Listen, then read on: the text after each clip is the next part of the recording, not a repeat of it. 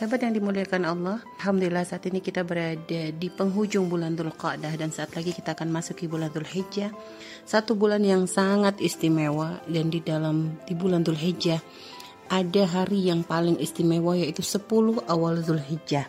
Bahkan sebagian ulama menyebutkan bahwa 10 awal Dhul Hijjah lebih bagus daripada 10 akhir Ramadan. Dikarenakan di dalam 10 awal Dhul Hijjah semua ibadah bisa dilakukan di situ, akan tetapi tidak semua ibadah yang bisa dilakukan di bulan Dhul Hijjah bisa dilakukan di bulan-bulan yang lain. Apa saja sih hal yang mungkin bisa kita lakukan di bulan Dhul Hijjah?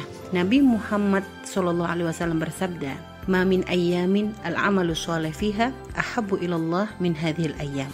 Tidak ada hari di mana amal-amal soleh yang dilakukan di hari tersebut itu menjadi satu amalan yang sangat dicintai Allah melebihi hari-hari yang lain. Lalu para sahabat bertanya, walal jihad visabilillah ya Rasulullah, apakah jihad visabilillah tidak bisa mengalahkannya juga ya Rasulullah?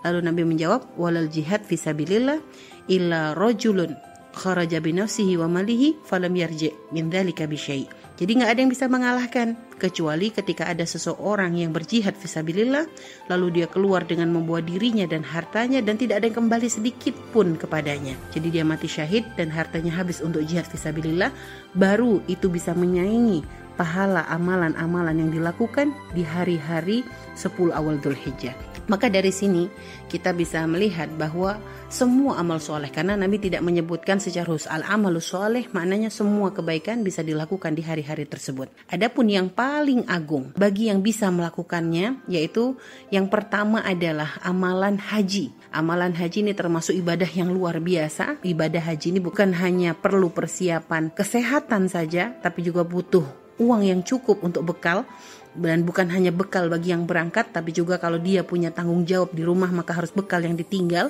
dan juga kesempatan dan kemudahan yang ini kadang tidak semua orang mendapatkan kesempatan yang sama. Sehingga bagi yang bisa melaksanakan ibadah haji perbanyak rasa syukur kepada Allah Subhanahu wa taala dan semoga yang berangkat akan bisa menjadi haji yang mabrur. Akan tapi bagi yang tidak bisa melaksanakan ibadah haji jangan kecil hati tanamkan rindu. Itu luar biasa rasa rindu itulah yang nanti insya Allah akan bisa menjadikan kita sampai atau bisa terpanggil untuk bisa melaksanakan ibadah haji. Dan jika memang ternyata masih belum ditakdir untuk bisa melaksanakan ibadah haji, tapi dengan rasa rindu yang kita punya, itu kita sudah akan bisa mendapatkan keutamaan. Apalagi Nabi Muhammad pun memberi cara bagi siapa yang mungkin ingin melaksanakan ibadah haji tapi masih belum punya kemampuan, maka Anda bisa uh, mengisi waktu Anda dari mulai setelah subuh sampai nanti waktu sholat duha dengan ibadah lalu melaksanakan sholat duha setelah itu, maka Anda seperti mendapatkan pahala haji dan umroh yang sempurna, sempurna, sempurna. Yang kedua, amalan yang ada di bulan Zulhijjah tapi tidak ada di bulan yang lain adalah kurban. Kurban ini adalah sunnah ainiyah. Artinya setiap tahun semua orang diberi ada kesunahan untuk melakukan kurban.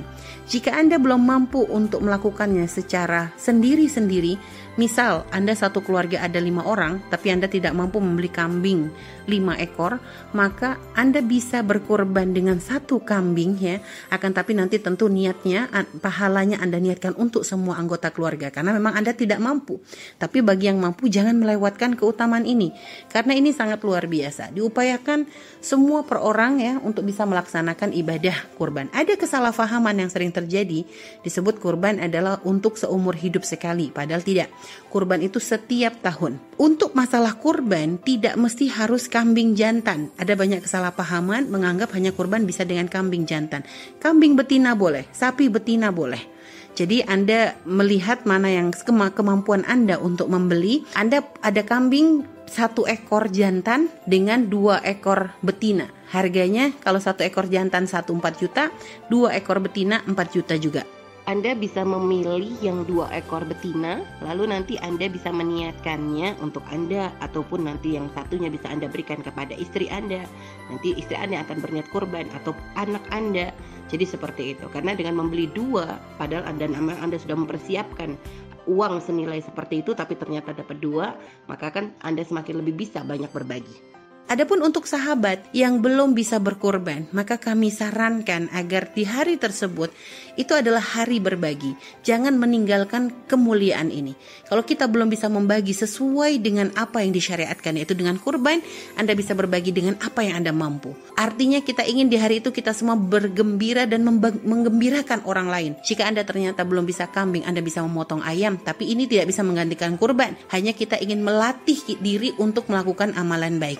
Dan jika ternyata belum mampu dengan ayam, Anda bisanya telur atau ikan atau tempe atau tahu, nggak ada masalah.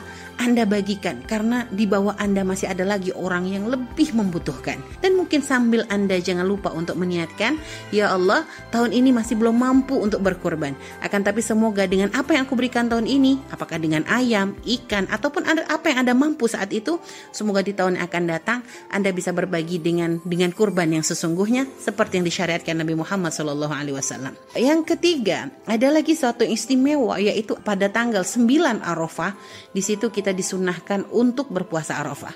Bagi yang ternyata bisa melaksanakan ibadah haji, maka Anda bisa memperbanyak, memperbanyak zikir dan doa di hari Arafah dan ini adalah sangat-sangat istimewa.